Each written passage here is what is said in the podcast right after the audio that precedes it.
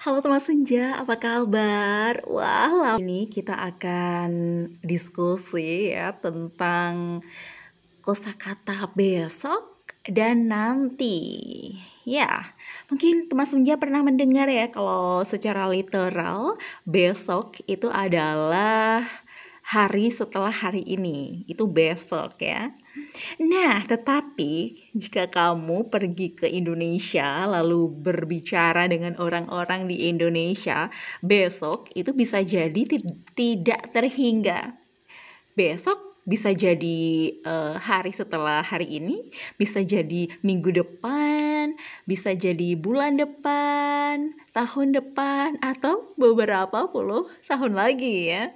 Jadi kalau misalnya kamu bertanya, contoh uh, kapan kamu mau main ke rumahku lalu seseorang akan menjawab besok Nah, kalau ada yang berbicara seperti itu, kamu harus memastikan ya, apakah besok itu hari setelah hari ini atau minggu depan, uh, bulan depan atau satu tahun lagi ya. Jadi harus berbicara seperti itu ya karena itu sesuatu yang tidak pasti.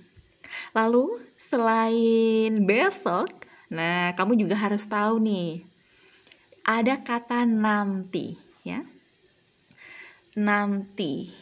Nanti itu tidak sekarang ya. Mungkin satu jam lagi, dua jam lagi. Nah, tapi ada juga orang-orang biasanya memakai nanti itu untuk konsep yang lebih luas lagi ya.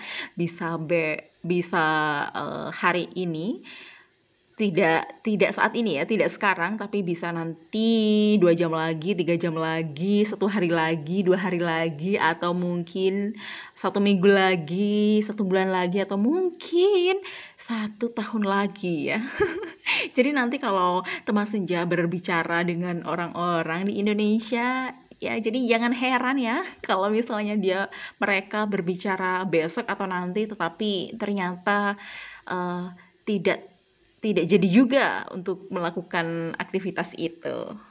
Baiklah apakah di negara kamu pernah atau mungkin punya konsep seperti itu juga?